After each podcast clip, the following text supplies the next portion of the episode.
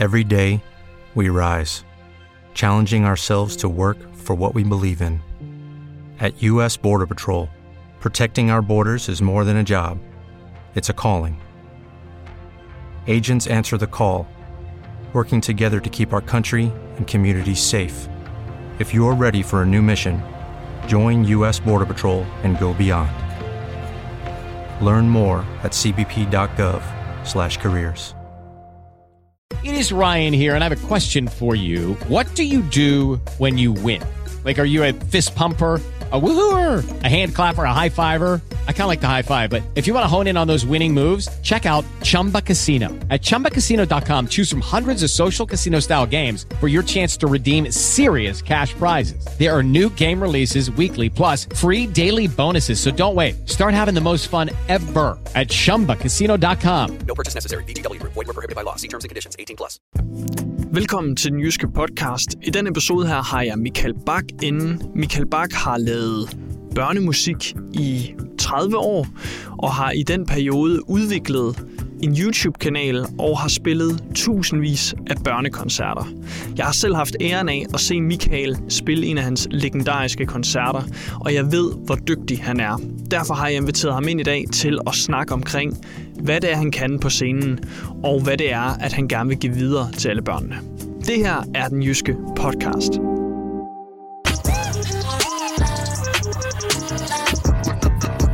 Michael, Ja, tak fordi du vil komme i dag. Det er, det er ikke så længe siden, vi mødte hinanden første gang, der er mig. ja, Det var ude i Enese, det var det. ude på friskolen derude, hvor at, øh, ja, at jeg så dig have sådan en rigtig børnekoncert. Ja. Og det var, øh, det var, ret, øh, det var ret fedt. Øhm, det var ret fedt, fordi at jeg egentlig generelt set er stor fan af, hvad der sker på en scene.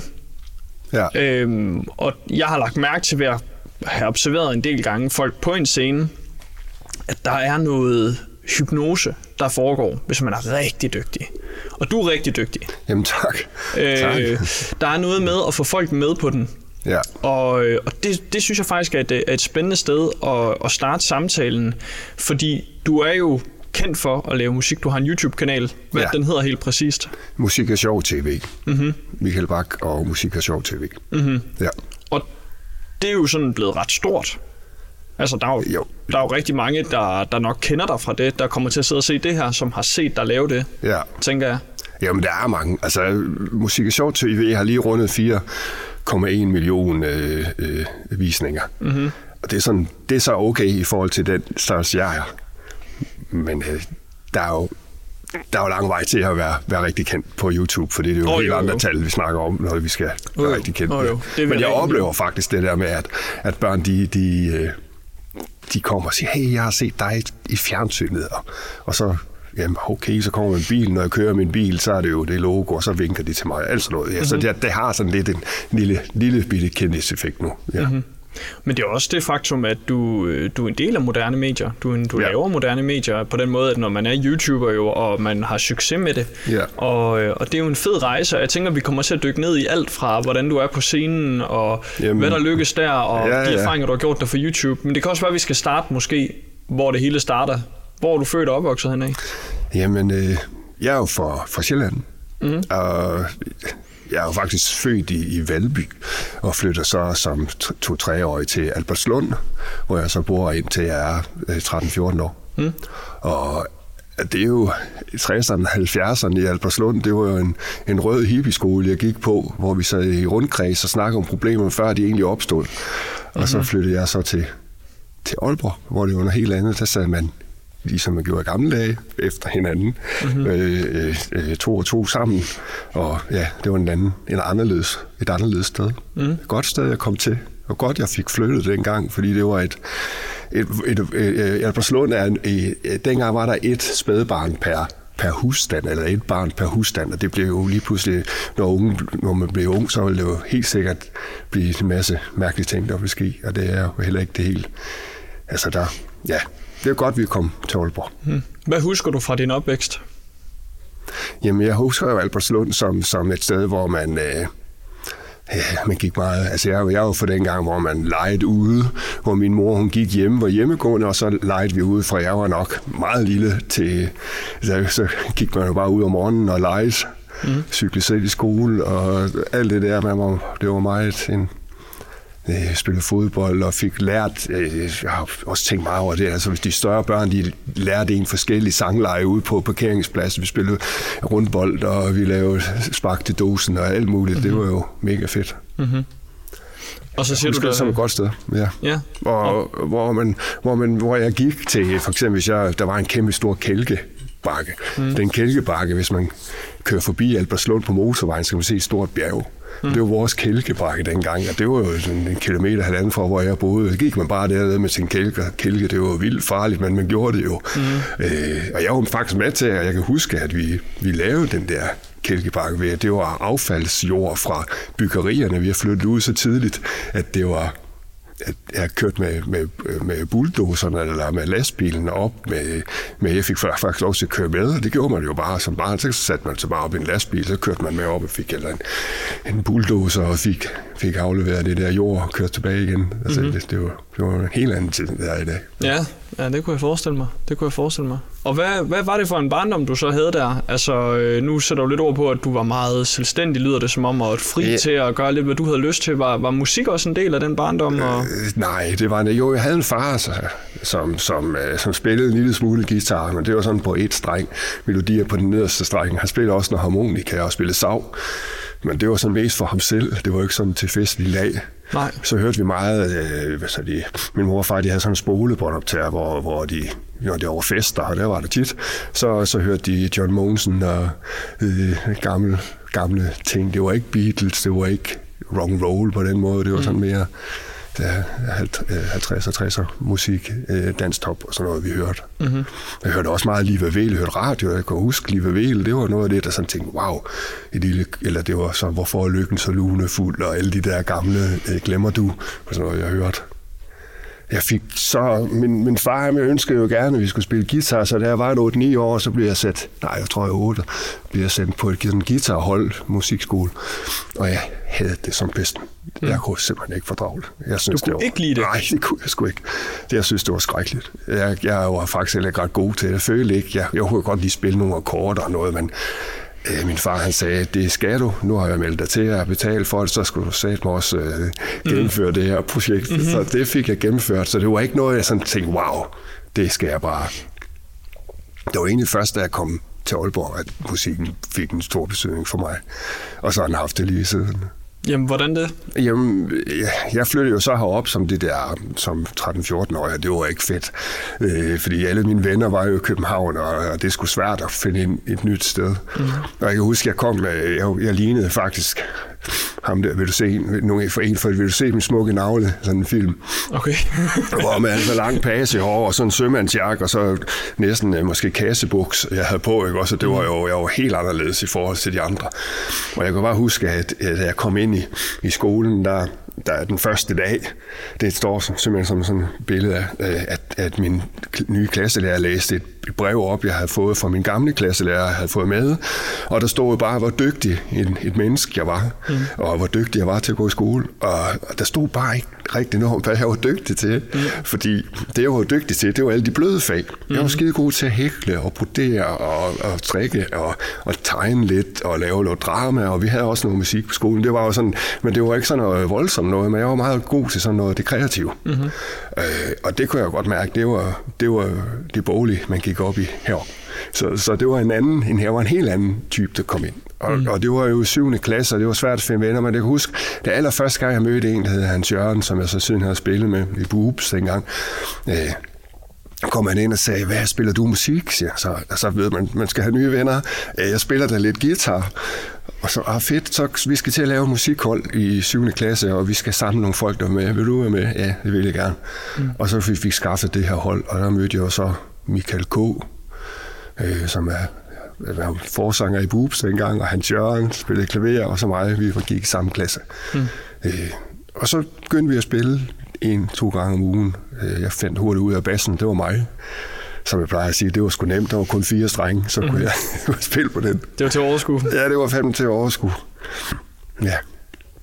Så på den måde, lige siden dengang, der har musikken så fyldt øh, og været et kæmpe, kæmpe plus for mig.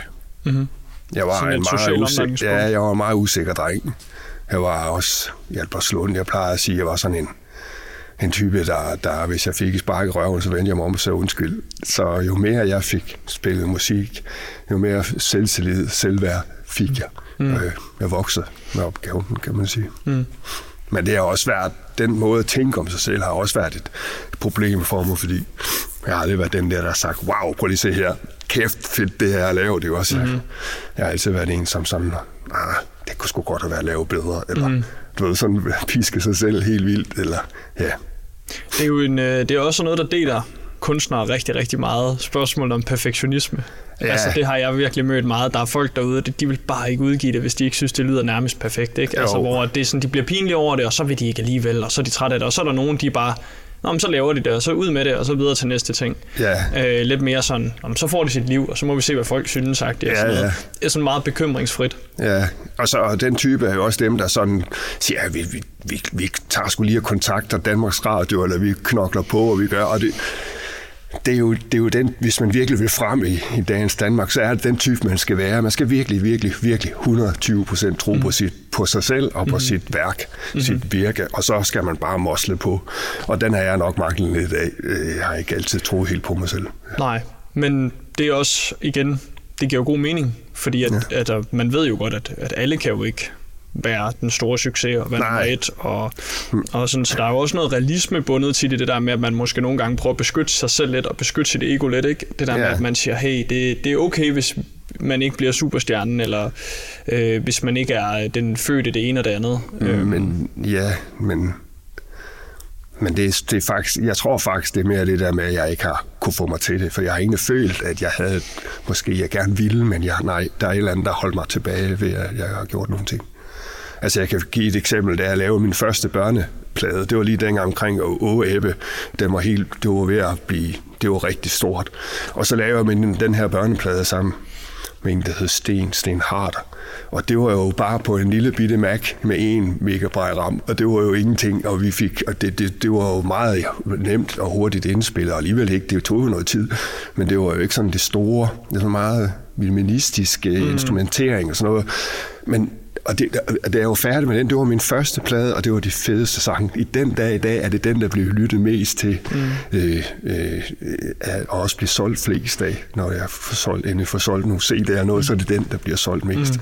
Og, og det er lidt mærkeligt, fordi det var det er den, der, der blev brugt mindst penge på, og og det var faktisk også den, der lige dengang jeg var færdig med at lave den, så hørte jeg den faktisk ikke i et år bagefter.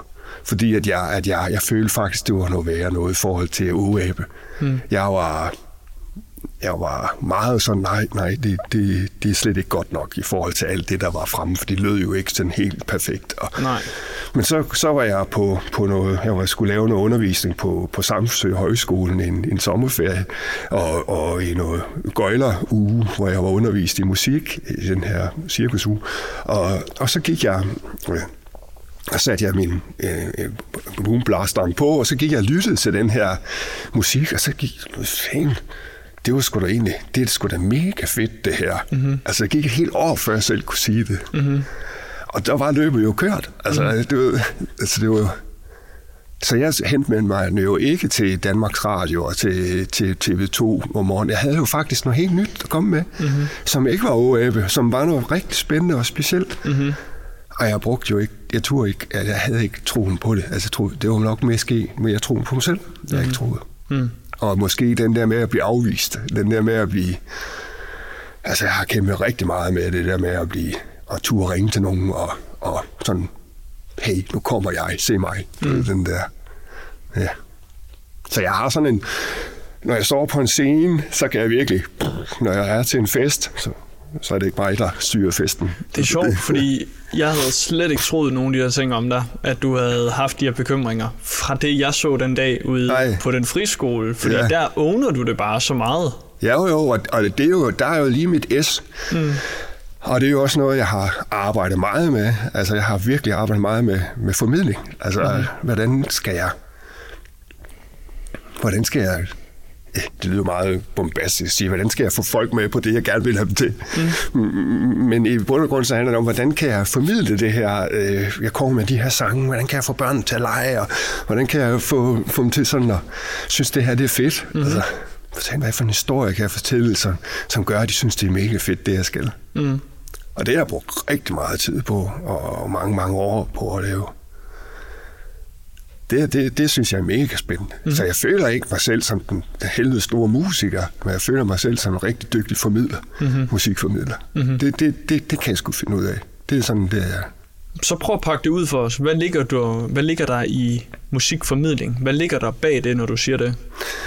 Jamen, jeg, jeg, jeg vil egentlig starte med det at sige, at det, jeg har jo, da jeg startede med at lave børnemusik, så var det jo en... Øh, øh, det var dengang, hvor jeg, mine egne børn de var små. Mm. Jeg arbejdede som pædagog i en, en, en døgninstitution, og så jeg en masse med døgnvagt og sådan noget. Mange lange vagter og meget fri. Mm-hmm. Og så var der en, øh, en gut ude, hvor jeg boede, der kom og sagde, vil du ikke være med til at høre, at jeg spille musik? På det tidspunkt, der spillede jeg også i øh, forskellige bands. Det var efter boobs-tiden. Øh, jeg spillede forskellige mm. bands inde i Omforenegade og var meget aktiv som bassist. Mm-hmm.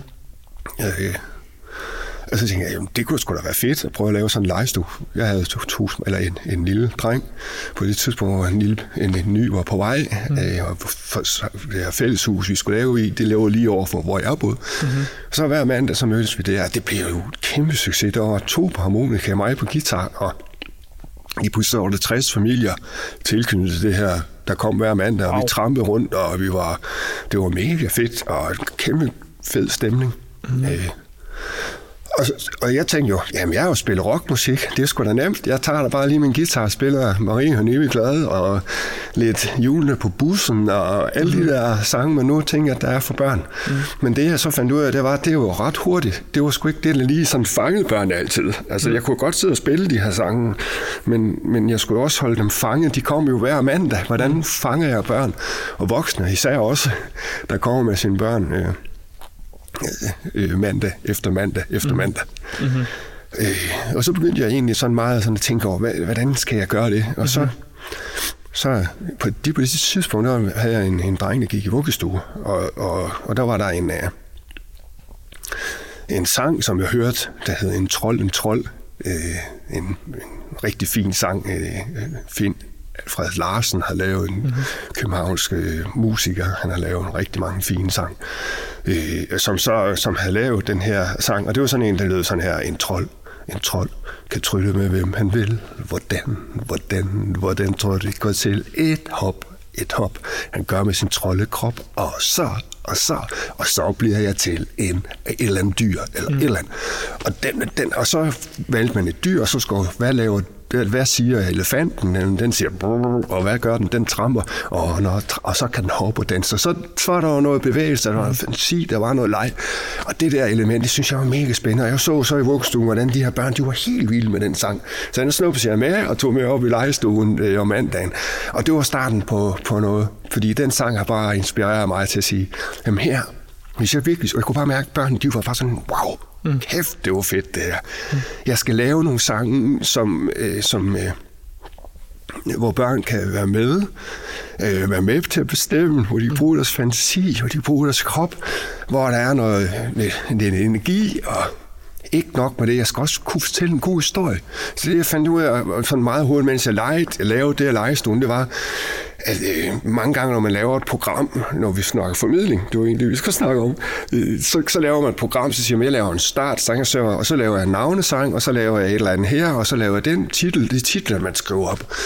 Og i mit hoved, der fandt jeg ret hurtigt ud af, at jeg skal jo lave en god entré Altså, hvordan får jeg lavet en sjov entré, hvor jeg får børnene til at grine? Jeg skal mm-hmm. lave noget god stemning fra starten af. Præcis. Øh, jeg skal lave noget, hvor jeg, og forældre også, øh, fordi forældrene, det er sådan nogle, hvis man laver det samme hver gang, så vil de så, mm, og så, skal det, så kan det godt være hårdt at få dem med.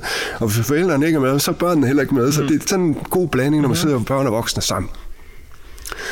Så, så jeg fandt ud af, at den historie, det du gør før en sang, før en trold en trold, Hvordan præsenterer jeg den? Hvordan kan vi lege det? Hvordan kan vi gøre det? Det er jo super vigtigt til at få børnene til at... At det her, der kan egentlig mindset øh, børn og voksne i forhold til, hvad sker der bagefter. Mm-hmm. Og når så sangen er færdig, hvordan kan jeg så komme over til den næste ting, jeg gerne vil lave? Så det var sådan en eller anden med at få tingene til at øh, glide over i hinanden. Ligesom en god snak, der bare er et godt spørgsmål, der lige sender en videre, så tingene bare glider, så der er ikke sådan nogle, øh, sådan nogle døde ting. Øh, jeg skulle også have styr på mine materialer. Jeg skulle have styr på min, på min guitar skal være stemt. Jeg skulle, have, jeg skulle ikke sådan lige pludselig stoppe. Ah, men jeg mangler også lige musikken. Hvordan er det lige, du ved? Præcis. Jeg skal have styr på, hvor hen er min legesager. Hvordan ser det ud, når børnene kommer? Og du ved, alt det der, øh, når I kom ind, så skulle, du være, skulle jeg være klar, og jeg skulle kunne sige goddag og hej, og måske sidde og spille et eller andet. Eller mm-hmm. jeg skulle lave et rum, hvor I børn synes, det var fedt at være. Og der måtte gerne være noget at, at kigge på, så jeg kunne mindset dem til, sådan at børn og voksne kunne snakke om det, der var. Og det, er jo, det lærte jeg i det med at lave mange, mange hundrede musikalske legestuer, mm-hmm. hvor jeg hver gang skrev min titler ned, og så skrev jeg, øh, øh, så hvad kunne jeg sige, før og efter, en, og så skrev jeg, så brugte jeg rigtig meget tid på efterfølgende at evaluere. Jeg tror, jeg har brugt, jeg har haft mange forskellige kinebøger, hvor jeg har skrevet, øh, så sagde jeg sådan, øh, det gik sgu ikke godt jeg kunne måske prøve at sige noget andet, men så sagde jeg sådan, det gik mega godt, det skal jeg huske til næste gang. Så jeg reflekterede både over, hvad gik godt, og hvad gik skidt, i stedet for altid at slå mig selv i, i hovedet over, hvad der gik skidt. Mm. Så jeg reflekterede også over, hvad der gik godt. Og det, det synes jeg faktisk, jeg har brugt øh, rigtig, rigtig meget tid på. Øh, den der med at finde ud af, hvad, hvad fungerer for mig. Mm. Øh, så igennem tiden, så har jeg jo så fundet ud af at lave sådan et som jeg faktisk under, underviser i, også når jeg er ude og lave kurser, øh, øh laver undervisning. Jeg underviser nu nogle gange på pædagogseminaret og på, på sociouddannelsen, eller i PAV-uddannelsen, pædagogisk assistentuddannelsen. Og der har jeg musik sammen med dem en gang imellem. Øh, og der underviser jeg faktisk også i formidling, altså hvordan sætter man sådan noget sammen. Øh, ja. Og så har jeg lavet med helt mit eget koncept. altså, det er jo, jeg ved ikke, om, om, om du selv opfatter det sådan, men det er jo faktisk vanvittigt kompliceret, det du har gjort. Altså den metode, du har skabt, som du har gjort sådan meget slavisk er gået til værks.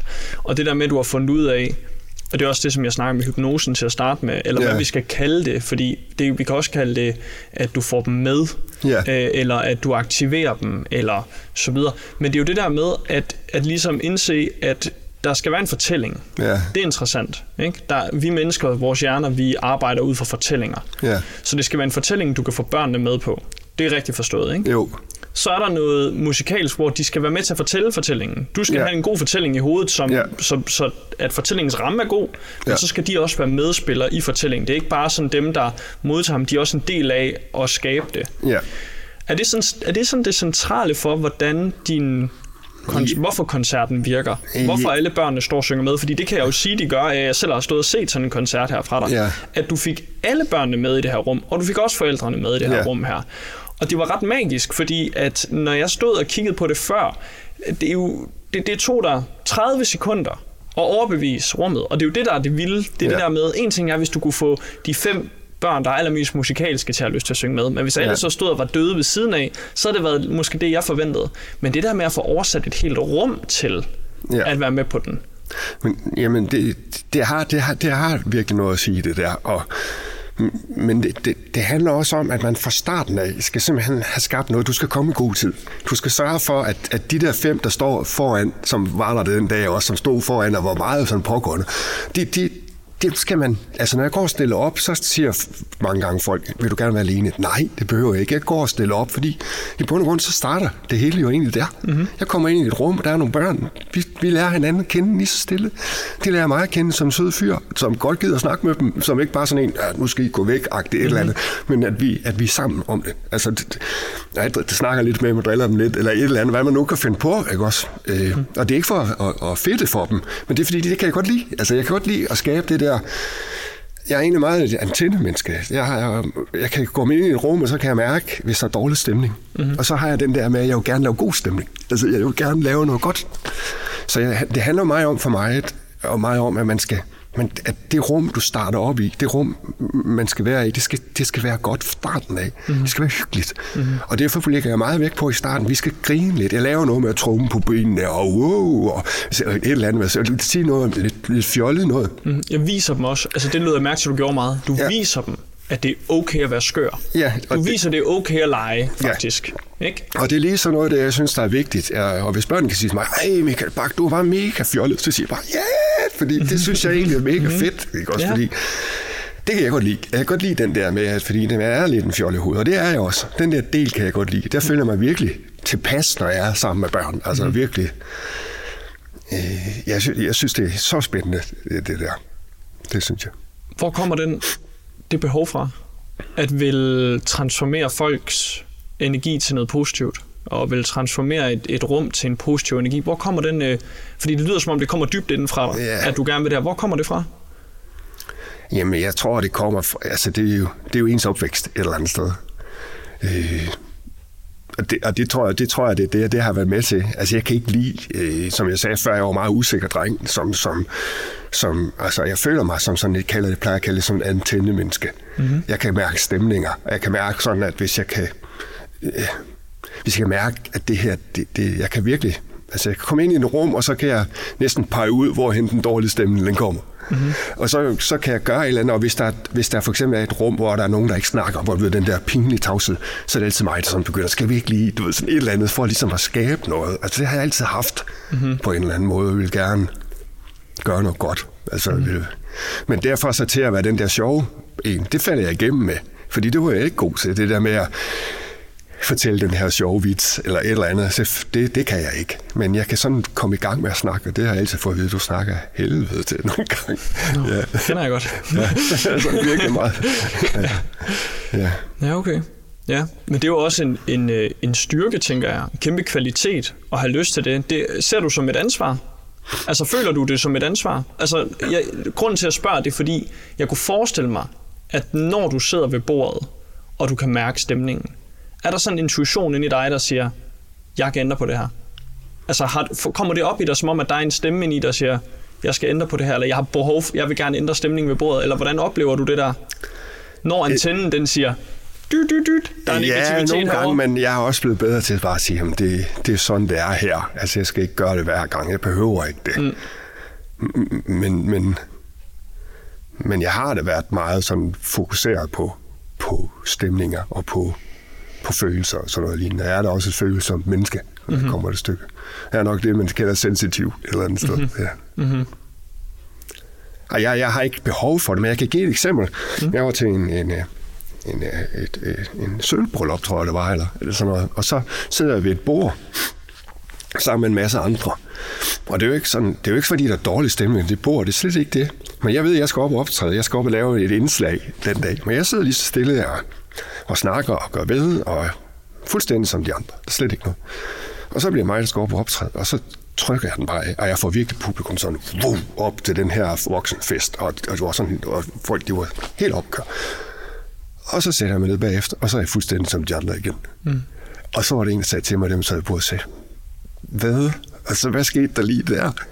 Hvordan fanden kan du, kan du, kan du være sådan? Altså, mm. sådan, du er så, du, kan, du sidder her lige så stille og være generet, og så kan du, du ved, og så, Ja, hvor, hvor alle kigger på dig, Ja, og, og bare- der er mega i teorien, alt kan gå galt, ikke? Jo, jo. Altså, det er jo dig, det hele beror på i situationen. jo. Og sådan, ja. Men, men der er jeg jo faktisk min comfort zone. Mm. Der laver jeg noget, jeg kan. Mm-hmm. Når jeg sidder til en, en fest, og jeg skal holde en impulsiv tale, det er jeg ikke god til. Mm. Og hvis jeg skal holde, jeg kan huske min, øh, min gode ven, Hans Jørgen, han skulle gifte sig. Og jeg var den, han skulle, han, det var den sidste i køen af, af dem, der kom til. Jeg kom først til over kl. 12 om aftenen og skulle, skulle øh, døde. Fedt. Skulle, det var fedt. Jeg sad hele aftenen og var nervøs for det her indslag, jeg skulle lave. Ja. Fordi det var ikke min comfort zone. Mm-hmm. Så, så den har jeg også. Altså, det er jo, det er jo så det, jeg er jo sådan en, en mærkelig øh, sammensat personlighed. Mm-hmm. Ja. Og du fortsætter jo så med at udvikle den her øh, musikaliske side, og så fører du det så over på YouTube. Fordi det er jo det, der også er interessant. En ting er, at du har kunne gøre det på en scene. En anden ting er, at nu bliver du lige pludselig medieformidler. Fordi ja. Du ender jo med at skal sidde og lave YouTube-videoer. Hvad har det været for en rejse? Hvad har du lært af det? Ja, det har været en rejse på mange, øh, på mange fronter, kan man sige. Mm-hmm. Fordi den ene ting, det er at lave en film, og så ligge på YouTube, og så tror man, der sker en masse. Og der sker ikke en skid. Jeg, fik, jeg var faktisk meget hurtigt ude at lave film. Jeg har lavet, haft film ude i mange år, hvor, hvor der bare intet, de blev slet ikke set overhovedet. Mm. Øh, det var egentlig først, da jeg, jeg synes sådan, fik samarbejde med Flamingo Film, at jeg, og jeg begyndte at bruge penge på annoncering. Mm-hmm. At, at, at jeg fik lavet et, nogle kvalitetsvideoer, og så hvad så det, øh, øh, at jeg begyndte jeg at putte penge i noget annoncering. Og det har jeg faktisk gjort mange år, 2-3.000 om måneden. Mm-hmm. Og det bliver til mange. It is Ryan here, and I have a question for you. What do you do when you win? Like, are you a fist pumper? A woohooer, a hand clapper, a high fiver. I kind of like the high five, but if you want to hone in on those winning moves, check out Chumba Casino. At ChumbaCasino.com, choose from hundreds of social casino style games for your chance to redeem serious cash prizes. There are new game releases weekly, plus free daily bonuses. So don't wait. Start having the most fun ever at ChumbaCasino.com. No purchase necessary. VGW. Void were prohibited by law. See terms and conditions. 18 plus. Hello, it is Ryan, and I was on a flight the other day playing one of my favorite social spin slot games on ChumbaCasino.com. Um, I looked over at the person sitting next to me, and you know what they were doing? They were also playing Chumba Casino. Coincidence? I think not. Everybody's loving having fun with it. Chumba Casino is home to hundreds of casino style games that you can play for free anytime, anywhere, even at 30,000 feet. So sign up now at chumbacasino.com to claim your free welcome bonus. That's chumbacasino.com and live the Chumba life. No purchase necessary. VGW. Void were prohibited by law. See terms and conditions. 18 plus. penge om året. Ja, det er gør det. Og, og, og det gav lidt. Det begyndte sådan lige stille. Og så kom coronaen også, og der fik jeg også lavet en masse film. Der var jeg faktisk rigtig meget på i coronaen, og det tror jeg faktisk var en del af det, der også gjorde, at, der, at det virkelig rykkede der. Mm-hmm.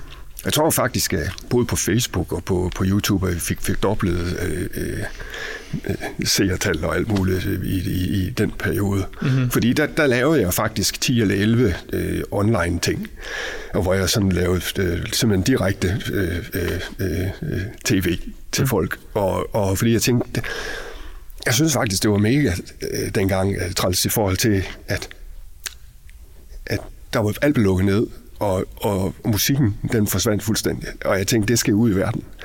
Og hvor var, henne, hvor var alle de kendte? Der skete jo ingenting i starten, før lang tid efter. Og lad os nu få noget ud, fordi oh, vi, skal, vi, vi, vi, vi, hvad hedder det, øh.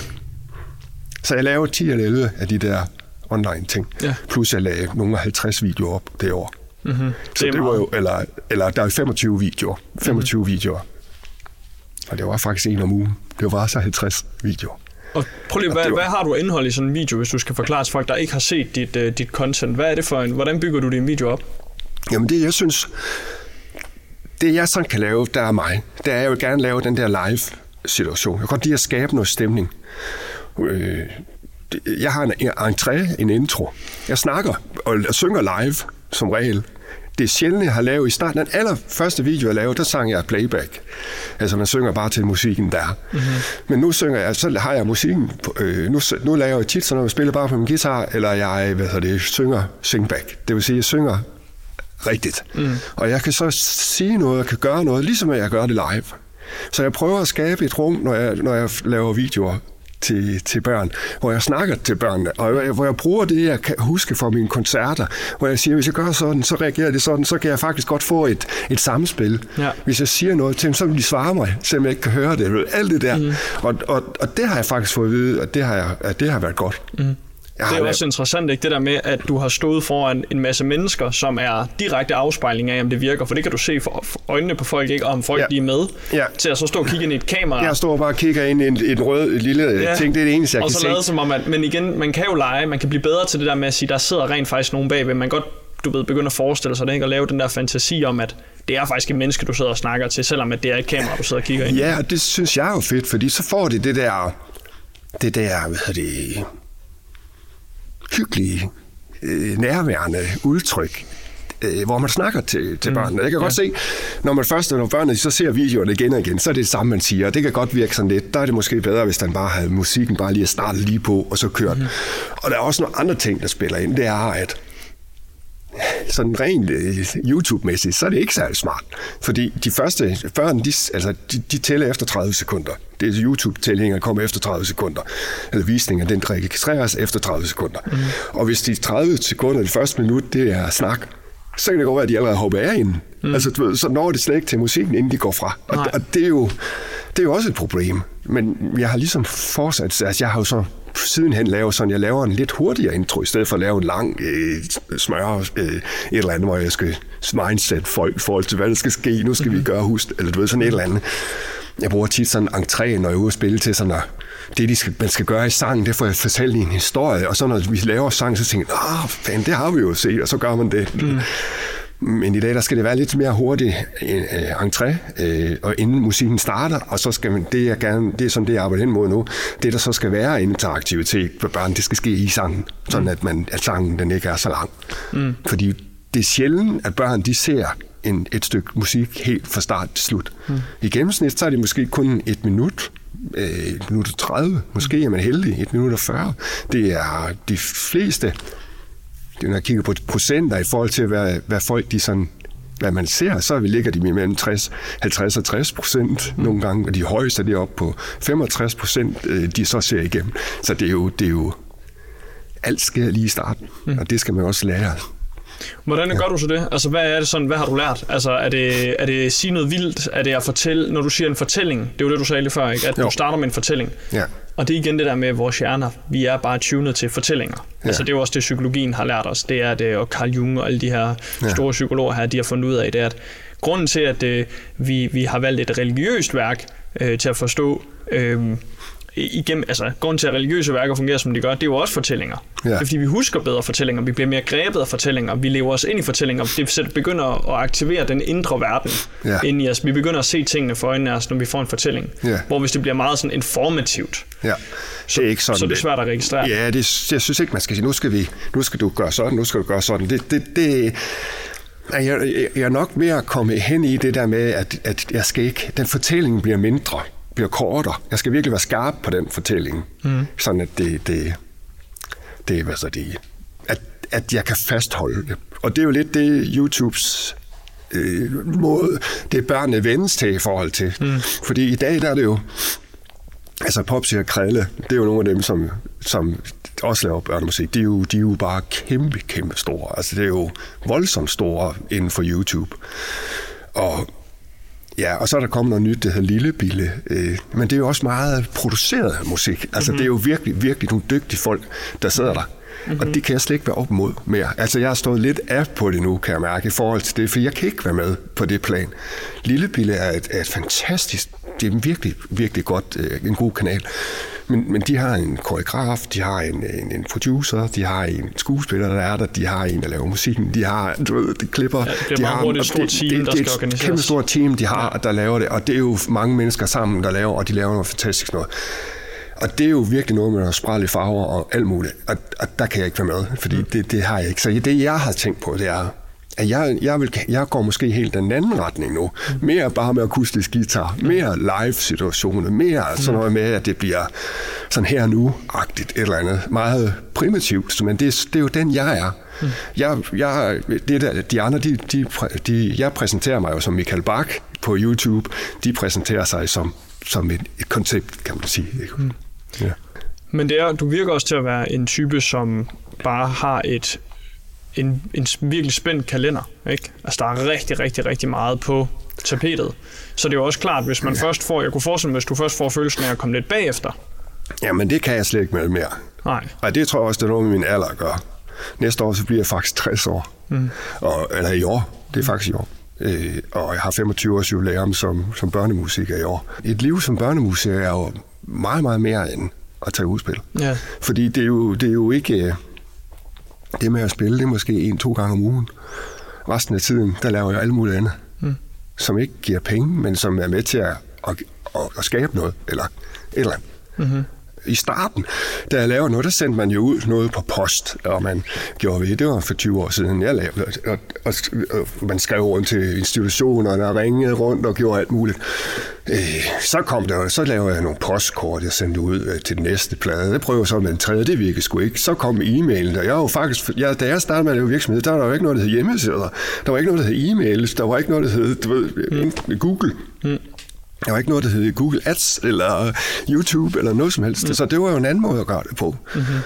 Øh, og der var måske heller ikke helt så mange om budet. Øh, det, det var mere spændende, når jeg fik et brev, og så... I dag, der, der må du faktisk ingenting som erhvervsdrivende. Du må ikke henvende dig til, til, en, øh, til en kunde, uden at... Altså, hvis jeg skal... Hvis du har handlet noget for mig i min virksomhed, jeg har en webshop, hvor alle mine CD'er og bøger, de er. Og den ting, jeg også skal fyldes med merchandise og sådan noget lignende. Øh, men, og jeg har jo en masse kunder, der har handlet der. Men jeg må ikke bare tage e-mail eller kundedatabasen og så sende ud, når jeg har et nyt. Nej, i dag er det sådan, sådan en ren lovgivningsmæssigt, at hvis du har købt en CD af mig, så må jeg kun reklamere for en CD til dig. Jeg må ikke reklamere for en bog, jeg har lavet til dig, fordi du har kun købt CD'en. Mm-hmm. Jeg må ikke øh, mail til dig, øh, uden at du har sagt ja. Jeg må ikke engang mail til dig og spørge, om jeg må mail til dig. Altså, du, der er så mange regler at det er skide svært at nå ud til sit publikum. Ja, og det er jo og hvis de du der ikke har der penge har- til markedsføring, du ikke har penge til, til alt muligt. Jo, og så det, der også skete i forhold til, til, til YouTube, det var, at jeg blev, blev, fik blev, ja, hvad kalder man det, suspenderet for, på, på, på YouTube øh, øh, af Google, fordi at de, de, de, de mente, at jeg ville prøve at snyde dem i forhold til annonceringer.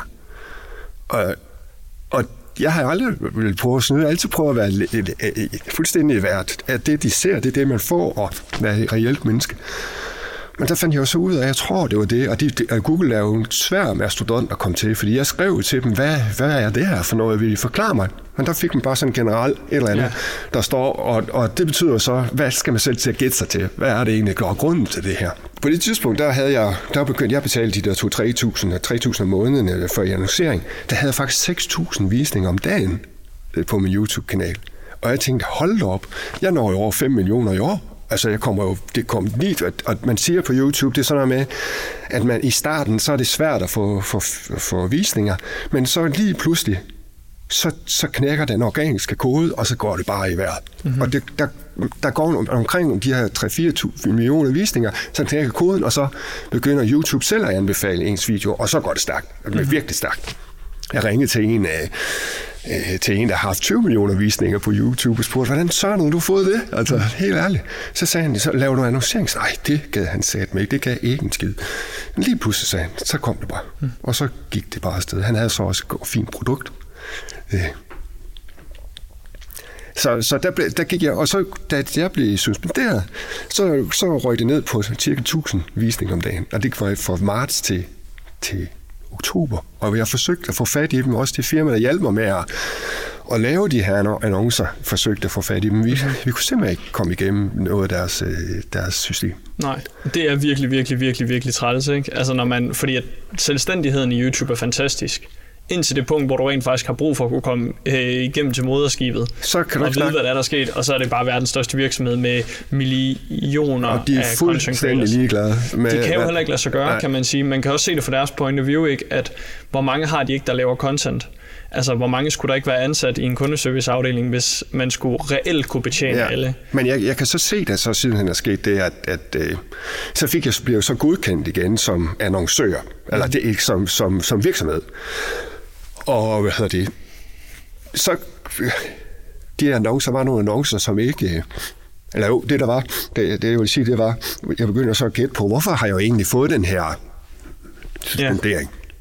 Og det viste sig så, at jeg havde været, øh, under coronaen, der havde jeg jo lavet nogle videoer på, på, på Facebook, som jeg så også streamede på YouTube på det tidspunkt. Øh, og det kunne jeg så have et system, hvor jeg kunne gøre det. Og der, der havde folk jo sagt til mig, hvorfor sætter du ikke dit mobilepændernummer ned i hjørnet af, af, dit, øh, af, de her, af sk- af skærmen? Fordi der, det vil være nogen, der vil give dig noget. Jeg tænkte, Nå, det kan jeg sgu da godt gøre. Så gjorde jeg det, satte det ned i hjørnet. Og det tænkte jeg overhovedet ikke på.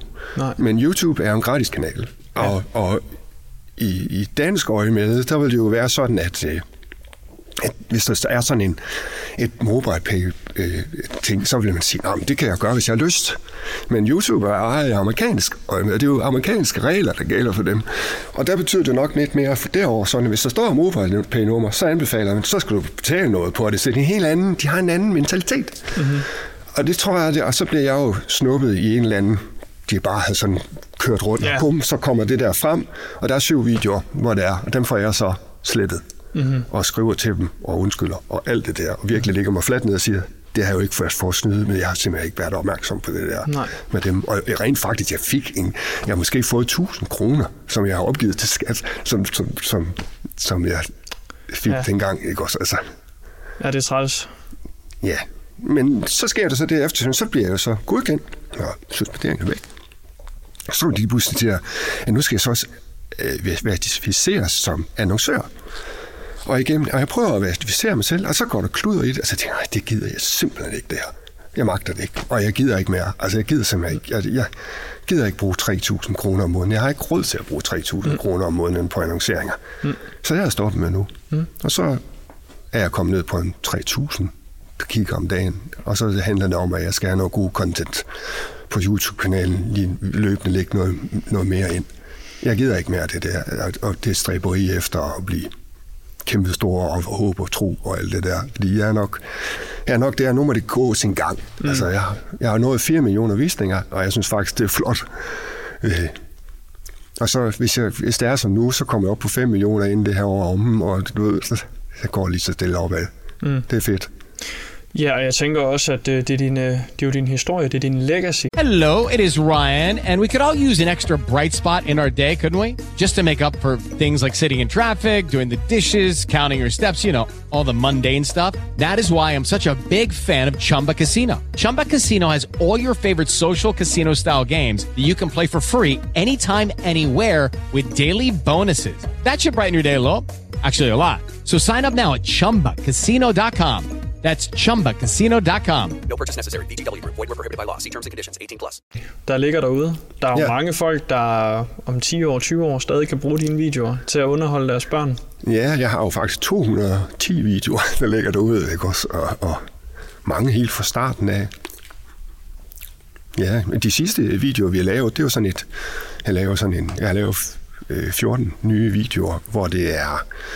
Hvor, jeg lavede en, en bog i 2012, der hedder Fjolletrolde. Ja, og der var der sådan nogle, det var sådan nogle, der var både noget med, det var fjolletrolde, kaldte jeg det, og så var det noget med ja, lidt, dialogisk læsning. Der var nogle historier, der var nogle tegninger, så var der nogle historier, så var der en sang, så var der nogle lege. Så du, for børnene, de kunne se en tegning om det her i den bog, de kunne man kunne læse en historie for børn, man kunne snakke om nogle, nogle spørgsmål om den her billede, den her historie, og det var nogle venskaber, og jamen, alt muligt fødselsdag, og alt muligt, sådan at børn, det var sådan lidt dialogisk læsning, og så kunne man høre sangen, og så kunne man lege til sang. Det var sådan et helt støbt øh, element. Mm-hmm. Og det har jeg så forsøgt nu, nu har jeg læst alle de her, øh, lavet øh, 14 videoer derude, hvor jeg har læst alle de her historier op, Øh, og, hvor jeg, og så hvor jeg siger, hey, vil du også være med til at lege? Mm-hmm. Og så leger vi bagefter. Og det er fuldstændig a cappella, hvor jeg bare står og hopper og klapper, og ikke masse fed stor musik, men jeg bruger en guitar, en ukulele, eller klapper, eller bare synger a cappella. Og det synes jeg er lidt spændende. Det er fuldstændig anderledes. Så har jeg skabt sådan et, et, et musikrum, et værelse, hvor vi sidder i. Mm-hmm. Ja. Det var sjovt at tænke på, hvor mange af de her børn her, du starter i musikalsk drøm i. Ja, Altså, hvor mange, Ja. der tager deres første skridt i at finde ud af, at de kan lide musik ja. med dig. Jamen, det er faktisk, det er jo det, er jo det allerfedeste. Mm. Fordi jeg kan, dengang min, min datter, hun var de der 18-19 år, jeg skulle køre hende i byen og sådan noget lignende, og hente hende, nu er hun så 30 i dag. Men, men øh, hvad så det? Så, så kan jeg huske, at jeg skulle hente hende, og så sad der en veninde inde bagved, en jeg aldrig har set før, så siger hun, jeg kan godt huske dig, siger hun så. Nå, jamen jeg kan huske dig, da du var i vores børnehave. Så det er, jo, det er jo mega fedt, man har gjort sådan et indtryk den ene dag, at mm-hmm. folk 10 år efter, det er ikke engang 15 år efter, kan huske en. Og det er der faktisk flere, der har, der har kommet tilbage til mig og sagt, vi kan godt huske dig på den gang. Mm-hmm. Jeg synes, det var fedt. Og, og nu oplever jeg jo faktisk, at dem, der var med, de børn, der var med dengang, de har fået børn selv, mm-hmm. og er med til mine koncerter. Mm-hmm. Så det er jo mega fedt. Altså. Ja, det må være stort. Det er må meget stort. Altså, det er Ja. virkelig stort. Den der, den der med, jeg har også op, altså, nogle gange så får jeg en, øh, på Instagram, så får jeg en, øh, en, øh, en, øh, sådan en besked fra en, en mor, som har en, en pige. Hver mandag, der har de faktisk Michael Bach-dag, hvor de hopper og danser i sugen til det her. Og det er jo en pige, som hun har en uh, immun forsvarssygdom, så hun kan ikke være ude i børnehaver, så hun er meget, meget, hun har det egentlig ret. Men de bruger det her musik til at skabe glæde, og, mm. og man kan bare se, hvor kæft de hygger sig, mor mm. og datter, det der. Og så får jeg sådan nogle små videoklip, øh, og jeg, jeg kan næsten ikke, jeg har, sender det ikke videre ud, det er noget, nej, nej. vi har, jeg sender det ikke videre ud, fordi jeg synes, det, det giver mig bare så meget, og jeg kan mærke, at det bliver brugt. Mm. Til, til, til her i december, altså for mange år siden, der lavede jeg en julekalender, ja, tre år siden. Og det var så det med historien. Fortalte en historie, øh, og så lave en sang bagefter. Det var på at forestille 24 afsnit, hvor, hvor jeg skal lave et, og det var, det var i et hug alle sammen, de skulle laves. Jeg skulle fortælle historien, jeg skulle synge sangen, på, og jeg kan godt sige, at hver eneste, med eneste optagelse måske har været lavet 20 gange. Mm. Og jeg har knoklet i den grad. Det, det at lave en video, det er jo ikke bare lige, altså den Nej. historie, det skal jo bare, man skal jo føle, at det er der, og man har glemt i året, så når man så fortæller den, så kan man bare se, hvor kæft, du ser træt ud, så, så skal man forfra, og, og hold kæft, jeg har brugt meget tid på at knokle, og jeg bliver ved, indtil jeg bare siger, nu er den der lige i kassen. Mm. Og der skal bare den mindste til, så laver jeg den om. Nogle gange, når jeg skal lave en en optagelse på Facebook, så har jeg, altså, det, så er jeg blevet bedre til det. Men der var en gang, jeg, jeg begyndte at tælle, hvor mange gange har jeg egentlig, jeg skulle lave sådan en, hey, jeg kommer og underholder på torsdag, det der det sted. Eller, ja, et eller andet. Jeg tror, jeg lavede 80 forsøg, ja. Altså, det var fuldstændig vanvittigt. Og jeg bliver ved, og jeg bliver ved. Jeg er totalt perfektionistisk den vej på. Mm-hmm. Og han sagde, ja, det er sgu da fint nok. Nej, det, jeg skal føle det, det er perfekt. Så jeg knokler virkelig for, at det skal være ordentligt det produkt, der kommer. Mm. Ja. Så det er måske et lidt dybt spørgsmål, men øh, hvem er det, du prøver at være perfekt for? Altså, jeg tror faktisk, jeg har jo haft en, øh, en opvækst, hvor, hvor det at lave fejl, det var, ikke, det var ikke godt. Altså, jeg skulle helst ikke komme og sige, jeg har kommet til at smadre de ting, eller et eller andet. Så fik jeg en skideball. Og det var sådan, det var dengang. Øh, øh, hvad så det? Og, og jeg har ikke lyst til fejl. Altså det, det, og, det, og det synes jeg, og, det, og jeg kan bare selv mærke, at, at det er jo lidt det, der sker i dag også. Altså jeg er jo, jeg, det, det er jo både mig selv, men også altså, overbevise over for andre, at jeg er god nok. Det er jo egentlig det, der handler om. Mm-hmm. Men, men jeg kan også bare mærke, at uh, i dag, i dagens Danmark, børn i dagens Danmark, de er sgu også bange for at lave fejl. Mm-hmm. Og jeg synes, det er forkert. Og jeg synes, det er helt hen i vejret, at uh, at de fag, hvor jeg, jeg, jeg kom jo, jeg har jo kommet ovenpå ved at lave musik, og da jeg var i Albertslund, det var at lave, altså jeg har haft sløjt, altså det var, jeg har virkelig lavet, alt det jeg lærte dengang sløjt, det bruger jeg på mit eget hus i dag, ikke også, og jeg har, det, det, det, jeg syr min egen sko, eller når de går i stykker, så går jeg ud og reparerer dem, ikke også, eller ikke sko, men også, hvis der er et eller andet, hvis jeg har noget med noget grej, der, der er en, en sæk, et eller andet til noget, der, så syr jeg sgu den selv, ikke også, eller jeg skal lægge noget op, så jeg lægger min mors bukser op, for sådan noget lignende, nogen mhm. skal, hun er handicappet, ikke også, og, og, og så, så, så, så ja, og, og, og jeg har jo haft nogle rum, hvor, hvor man kan sige, at øh, øh hvor det er okay, altså i skole og alt sådan noget, der var fejl, men sådan, og jeg har forsøgt mig med nogle ting igennem musikken. Jeg synes, det er ærgerligt i dag, at det, alting skal være så perfekt, mm-hmm. og det synes jeg ikke, det behøver at være. Vi snakkede også om det med, faktisk med Studal, der inden han sagde, at vi, vi er gået fra det her præstationskultur ja. til en perfekthedskultur. Ja. Og der er rigtig mange, der lider under det her med at skal være perfekt. Jamen. I stedet, fordi der er jo ingen tvivl om, at der er et argument for, at det at præstere noget godt, det er godt. Så ja. derfor vil man gerne præstere noget godt. Jo, men... Problemet er, når der ikke er plads til at lave de fejl, der skal være, og det ikke er okay. Men Ja, og så også, at børn ikke lærer, at det faktisk, man skal faktisk øve sig for at blive dygtig. Mm-hmm. Når jeg er ude og optræde, så det er, at man siger til, eller man holder et kursus, man, man snakker med nogle voksne, eller en eller anden siger, og voksne har det jo også lidt på samme måde. Man skal jo gerne ret hurtigt lære noget. Og det er ærgerligt, og det er en forkert kultur, fordi hvis du skal være rigtig dygtig til noget, så skal du også lave rigtig mange fejl. Præcis. Hvor mange gange har Ronaldo ikke stået og sparket sin bold og øvet sig og yes. knoklet og øh, man kan huske om Roland Koeman, der var i, i en fodboldspiller i Barcelona. Han stod jo hver eneste gang efter træning og bankede imod det her mål for at mm. kunne ramme den lige i røven, så den sad oppe i hjørnet. Ikke også? Mm. Det lærer børn bare i dag. No. Og hvis man skal knække en matematik-ting, så kan det godt være, at, at det lige i starten, det er pisse svært, men jo mere du arbejder med det, jo mere får du. Og det synes jeg er så ærgerligt, og det lidt den kultur, og det synes jeg inden for børns værd, det kan dengang, øh, øh, hvad det, MGP startede, der, der startede alt det der med, at man ret hurtigt skulle... Det var, det var jo fantastisk, alle dem, det der skete dengang. Men, men lige pludselig så, man sagde jo, det var, det var børn, børn, der lavede musik, som så skulle op. Men det var ikke børn, der lavede musik. Det var voksne, der lavede musik til børn, som så, som så sang noget, og som så ja. gjorde et eller andet.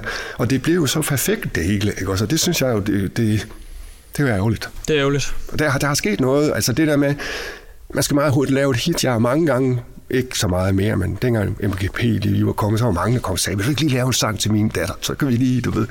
Jeg har også oplevet nogle, oplevet nogle forældre, der har sagt, min datter, hun kom på tredjepladsen i MGP, eller et eller andet fjerdepladsen. Skulle vi sat ud og tjene nogle penge, du ved. Og jeg tror ikke på, at, at det er godt for børn at at komme ud. Det, det er en fede oplevelse, man har, og man er der. Men den der, hvor man ikke har noget at lave, ligesom jeg også oplever, hvis ikke der er noget at lave, der er ikke nogen, der henvender sig. Hvorhen er opmærksomheden? Den er fandme svær. Og hvis ikke du har noget og selv, øh, det samme x-faktor. Mm. Hvis ikke du har noget selv at byde ind med, mm. så kommer du aldrig videre. Mm. Og det er så ærgerligt at se, fordi det er jo kun dem, der virkelig er dygtige selv, skriver sangene, dem, der kan noget, dem, der har noget selvværd på den front, der bliver til noget, når det kommer til stykket. Mm-hmm. Og det, det, det, vi skal lave en rum, og det er det, gerne vil, ude i børnehaverne. Lad os skabe nogle koncerter, hvor børn leger, hvor vi dummer os, hvor vi griner, og hvor vi, hvor vi gør noget, hvor vi fjoller, hvor, vi, hvor børn bare er børn, og hvor man bare kan, kan, kan, og hvor det ikke, altså der skulle børn nede i børnehaven, der er bange for, at de andre griner en. Mm. Og det sådan skal ikke være. Nej. Altså, det, det skal være et, øh, jeg var ude til et foredrag øh, for, øh, Øh, til noget, jeg laver en koncert, så efterfølgende foredrag for forældre i en børnehave. Og så siger der en forælder til mig, ja, min søn på, på fem år, han hører ikke børnemusik mere. Så siger jeg, hvorfor hører han ikke børnemusik? Jamen, han, han var meget bedre lige Rasmus Sebak og, og Medina og sådan noget. Det var sådan det, han var. Han var fem år. Jamen, det, det er da også fantastisk musik. Men hører han slet ikke børnemusik? Nej, det kan man høre kun hvor den musik, der var på deres telefon, deres iPad. Så, hvorfor? Så, så siger jeg, prøv at høre, hvad, hvorfor skal han forholde sig til Rasmus Sebaks? Jeg kan godt forstå sådan musisk.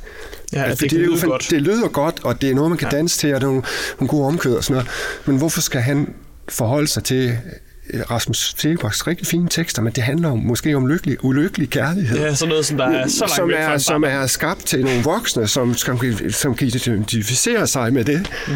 Hvorfor? Hvorfor skal børnene høre Medina sige fuck øh, i en sang eller et eller andet? Hvorfor kan de ikke bare lave noget, der passer sig til, til dem og deres alder? Mm.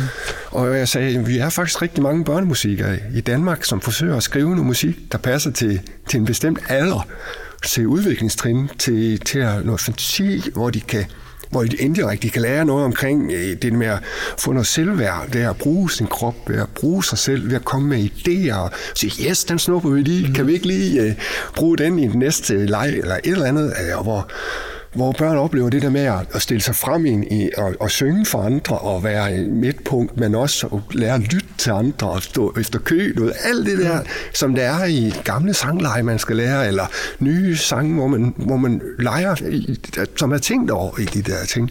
Og det synes jeg er jo mega spændende. Og det er jo den der gamle tradition, så jeg kører nok måske lidt den 70'er ting stadigvæk, hvor vi skal, vi skal lave nogle sangleje, hvor vi skal vi skal vente på tur, og den der troldesang, jeg sang før, ikke også, hvor man siger, og så bliver man til en, og så råber børnene op, og så er det jo lidt kulturen, den der råber højst, det er den, man vælger. Mm. Nej, jeg vælger måske den, der sidder nede bagved, der ikke siger så meget, som om mig selv dengang, som aldrig sagde noget. Hvad siger du? Ikke også? Kan, har du en idé? Ja, selvfølgelig har jeg en idé. Jeg bliver bare ikke set, ikke også? Altså. Og jeg tror, at det ligger så også op af alt det her, vi snak, du snakker om nu, at musikken skal jo være der for at være i nuet med musikken. Altså, ja. en ting er, at der er øh, karriere i noget, men det er jo ikke derfor, man, at musikken er så smuk og fantastisk, som den er. Det er jo for, når man spiller den, og man står i nuet, og den, den oplevelse, det er at være en del af musikken. Ja. Så kan det godt være, at der er nogen, der kan drive det, ligesom der, du selv har, til en karriere, og der er nogen, der kan få øh, succes med det på en eller anden... Øh, altså tjene nogle penge kommercielt på det og sådan noget. Ja. Men essensen af, hvorfor det er så tænker jeg i hvert fald så vigtigt, og hvad det kan, det er jo netop, at det kan bringe folk sammen, og det gør, at du er en ud. Man mangler ikke noget, når man står midt i en sang. Nej, Altså, man står ikke og tænker på 10.000 andre ting. nej. Man er bare og bliver Ja. optaget af musikken, ikke? Og det er min drøm. Altså, jeg har, jeg har en drøm. Jeg, for mange, mange år siden, der var jeg til en koncert, hvor jeg så Joe Cocker. Jeg var ikke ret gammel. Jeg stod, jeg var fuld og alt muligt. Jeg stod bare, og så gik Joe Cocker i gang, og jeg stod i regnvejr uden regntøj. Og lige pludselig så var gået halvanden time, og så tænkte jeg, hold nu kæft, en try- jeg var tryllebundet lige der. Mm-hmm. Den oplevelse kunne jeg godt tænke mig at give. Mm. Altså, er man tryllebinder, i forhold til noget, hvor man bare tænker, kæft, det er fedt det her. Og så når man, det oplever i legestuen dengang, som jeg vender tilbage til den musikalske legestue, hvor jeg kunne se i børnenes øjne, når vi gik i gang med noget, troldesangen, et eller andet, hvor de var med, jeg kunne bare se i øjnene på dem, "Åh, kæft, det er fedt det her. Og når jeg så sagde, nu spiller vi den sidste sang, det er også kunsten at lære at stoppe, mens nejen den er god. Mm-hmm. Det skal man også huske. Man skal ikke bare blive ved, fordi jeg, jeg skal spille en time. Jeg er nødt til at stoppe nu, fordi mm. så dør det jo. Mm. En sang kan ødelægge en hel oplevelse, hvis ikke det bliver at stoppe på det rigtige tidspunkt. Ja. Men det der med at sige, ej, nu stopper jeg, og så kan man bare se øjnene, øve, jamen, vi skal igen på mandag. Fedt, du ved. Mm. Så er der noget at glæde sig til. Ja, og, og det synes jeg, fordi det er noget af det, som øh, jeg synes, vi mangler i dag. Det er det der med, at vi mangler det der fællesskab. Vi mangler, vi mangler det der med, at, at vi, vi gør noget sammen. Ja. At vi hygger os, og vi ikke altid skal være så perfekte. At det ikke handler Præcis. kun om arbejde. Og, og det skal jeg også selv tænke på, at jeg også øh, skal være bedre til at være sammen med andre, og ikke bare gå i min egen lille osteklokke. Ja. Lad det være et øh, fantastisk sidste ord for, for dagens samtale, tænker jeg. Jamen tak. Tak fordi du vil øh, komme og fortælle om din historie, og øh, jeg håber, du får øh, tryllebundet en masse folk på scenen. her Ja, i de det håber år. jeg også. Og tak fordi jeg måtte komme. Selvfølgelig. Ja, tak.